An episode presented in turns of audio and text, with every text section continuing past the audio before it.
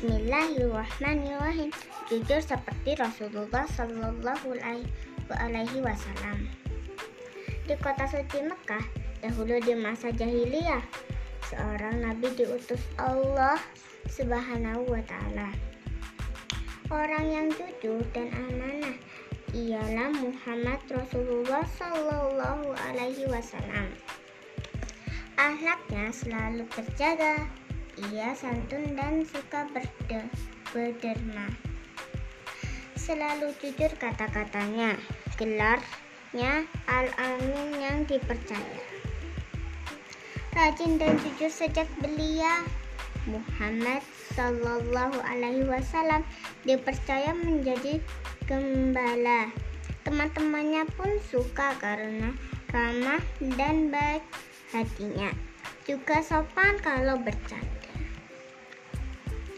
Waktu muda Muhammad Shallallahu Alaihi Wasallam jadi pedagang. Ia jujur menjelaskan keadaan barang. Ia tepat kalau menimbang. Pembeli senang usahanya berkembang. Muhammad Shallallahu Alaihi Wasallam yang jujur dan mulia sedih melihat maksiat be, be merajalela ia sering menyepi ke gua Hira. Ada yang datang suatu ketika malaikat Jibril membawa wahyu pertama. Rasulullah Shallallahu Alaihi Wasallam mendakwahi teman dan keluarga, sehingga umat Islam bertambah jumlahnya.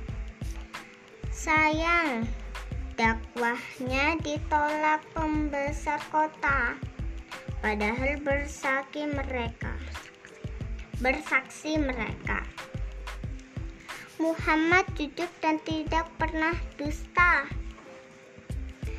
ada yang menuduh Rasulullah Shallallahu Alaihi Wasallam tukang sihir karena pengaruhi orang dengan syair. Nodor bin Harits membantah orang kafir.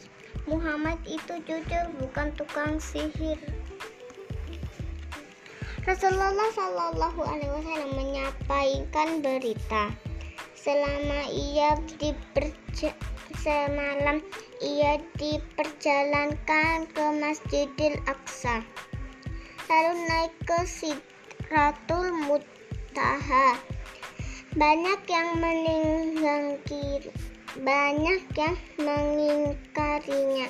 Namun Abu Bakar langsung membenarkannya Sungguh engkau yang terpercaya.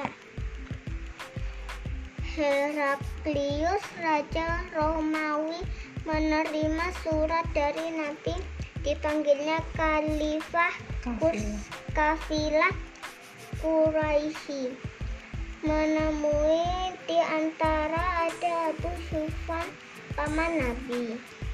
Seperti apakah Muhammad? Heraklius bertanya.